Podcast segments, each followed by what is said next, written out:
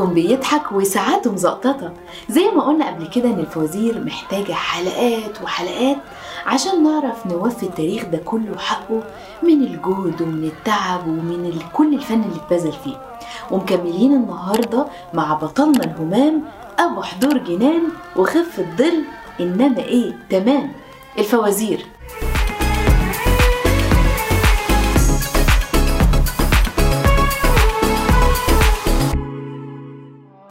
زي ما اتفقنا المرة اللي فاتت إن أغلب الفوازير الرمضانية كانت بتعتمد بشكل كبير على الاستعراضات المختلفة. عشان كده لازم اللي كان بيكون بيقدمها فنان شامل رقص وغنى وتمثيل لأنه لازم يقنعنا باللي بيقدمه ويخلينا نتفاعل معاه كمان. وده بالظبط اللي خلى الشعب العربي كله بمختلف أنواعه يتابع الفن ده بترقب وشغف جامدين جدا ومن السنة للسنة. نجحت نيلي إنها تكون أيقونة الفوازير في العالم والوطن العربي بعد محاولة ثلاثي أضواء المسرح زي ما قلنا قبل كده إنهم يعملوا فوازير. وعشان نفتكر سوا إن الفنانة نيلي كانت من أصول أرمينية سورية. الفوازير حصل لها نقلة نوعية فريدة جدا. إما نيلي بدأت تقدمها لدرجة إن الكاتب أنيس منصور الكاتب الكبير اللي ما كانش من السهل أي حد يقنعه بموهبة لقبها بأم كلثوم الاستعراض تخيلوا؟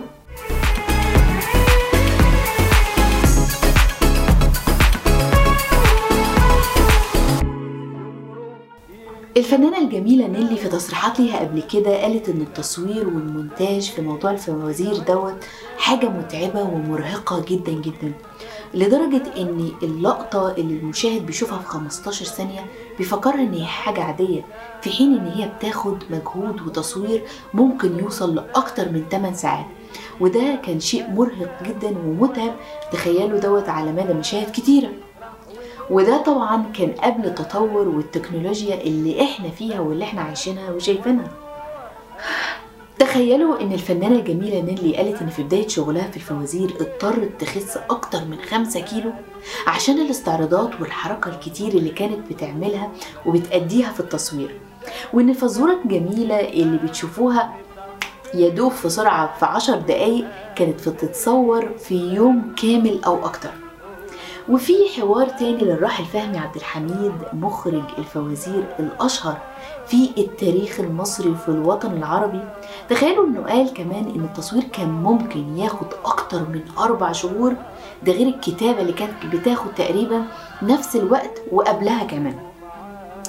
آه، الفنانة الجميلة نيلي وفهمي أدخلوا على فكرة الفوازير إبداعات محدش سبقهم ليها بالمرة. زي مثلا إنهم يدمجوا الكرتون أو الرسوم المتحركه مع الشخصيات الحقيقية وكمان عملوا خدع بصرية كتير ومؤثرات صوتية ما كانتش موجودة قبلهم خالص.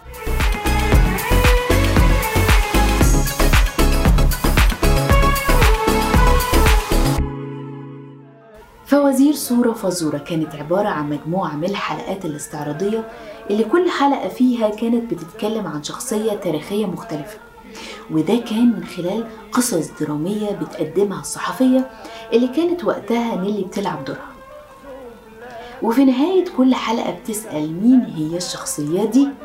الفوازير اللي بعدها قدمت نيلي أنا وإنت وفزورة التنبكة ودي اللي كانت نيلي فيها بتركب مركبة فضائية وتقرر تطلع الفضاء من خلال التنبكة والفوازير ساعتها عملت حصيلة نقد كبيرة جدا عشان ما كانتش على نفس المستوى اللي قبلها الفوازير اللي قبلها. خصوصا في الجمل الغنائية اللي أثارت جدل كبير وقتها وحفيظة النقاد.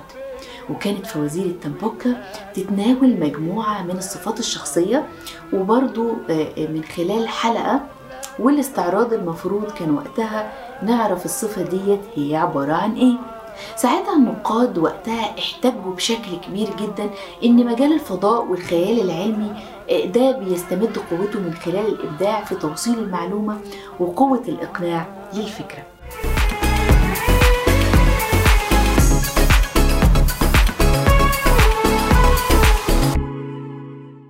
بعدها قدمت نيلي فوازير عروستي وكانت برضو المخرج الجميل فهمي عبد الحميد والتأليف لصلاح جاهين.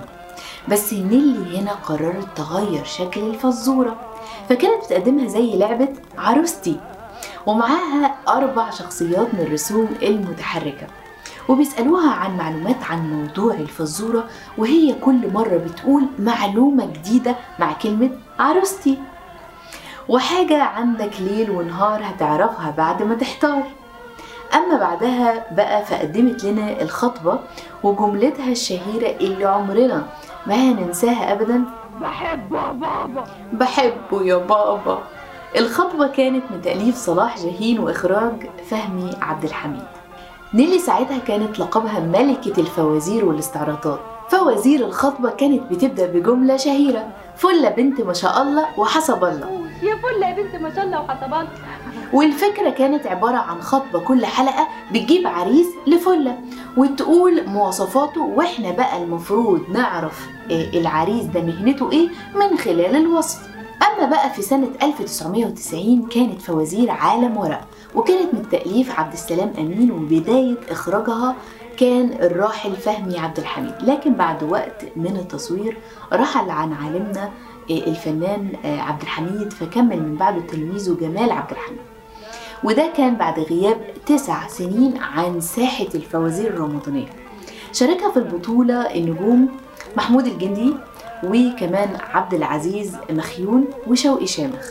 فكرة عالم ورق الفوازير عالم ورق كانت بتدور حوالين أهم الأوراق في حياتنا زي شهادة الميلاد أو الوفاة وقسيمة الزواج والعقود ومخالفات المرور والفوازير وأي حاجة ممكن تكون مكتوبة على ورق وده من خلال 30 حلقة. أما في سنة 1992 قدمت أم العريف ودي كانت من إخراج محمد عبد النبي وتأليف عبد السلام أمين ودي كانت التجربة الأولى مع المخرج محمد عبد النبي وشاركها في البطولة الفنانين نجوى إبراهيم إيهاب توفيق بوسين الرشوان هادي الجيار وأسامة عباس وعايشة الكيلاني. في الفوازير دي نيلي كانت بتمثل فيها إنها ست بتعرف في كل حاجة وبالذات في الوظائف والمهارات. لما يقولوا لها اعمليه خربت الدنيا وتقول لك خلاويص أنا كان قصدي أساعد. في الفوازير دي نيلي من غير ما تاخد بالها. خبطت في صندوق بويا وعلى فكرة القصة دي حقيقية خبطت في صندوق بويا وكان موجود عشان الديكور. كان بيتغير آه كتير قوي قوي كل شوية. فوقع على الأرض وعليها وبهدل فستانها الجديد اللي وقتها كانت جايباه ب 2000 جنيه. وده وقتها كان مبلغ محترم. وأخيرا بقى فوازير الدنيا لعبة وفوازير زي النهاردة في سنتين متتاليتين اللي هم 1995 و 96 ففي الأولانية كان بيتم استعراض لعبة معينة والشاطر في آخر الفزورة يعرف إيه هي اللعبة. وكانت إخراج محمد عبد النبي وتأليف عبد السلام أمين. أما بقى زي النهاردة فكانت من تأليف عبد السلام أمين وإخراج أشرف لولي. وكانت بتقدم لنا أحداث تاريخية وبتعمل فيها استعراضات والمطلوب مننا نعرف إيه الحدث ده. والدنيا لعبة واللي ملوش في اللعبة نقول له يا عم روح شوف لك لعبة. نشوفكم على خير مع بطل جديد من أبطال خشبة المسرح الرمضاني وما تنسوش like و share عشان يوصل المحتوى ده لأكبر عدد من الناس. ويا ريت ما تنسوش تقولوا لي رأيكم وإيه أكتر فوازير كنتوا بتحبوا تتابعوها. ليكم مني كل الحب رمضان سعادتي. مع ريم صبري. برنامج رمضان سعادتي برعاية شركة Empower أول شركة وتطبيق للصحة العقلية والنفسية للشباب في الشرق الأوسط. ولو عايزين تستمتعوا بحلقات برنامج رمضان سعادتي بالصوت تقدروا تسمعوا الحلقات الصوتية على أنغامي Spotify Apple Podcast Google Podcast SoundCloud Amazon Podcast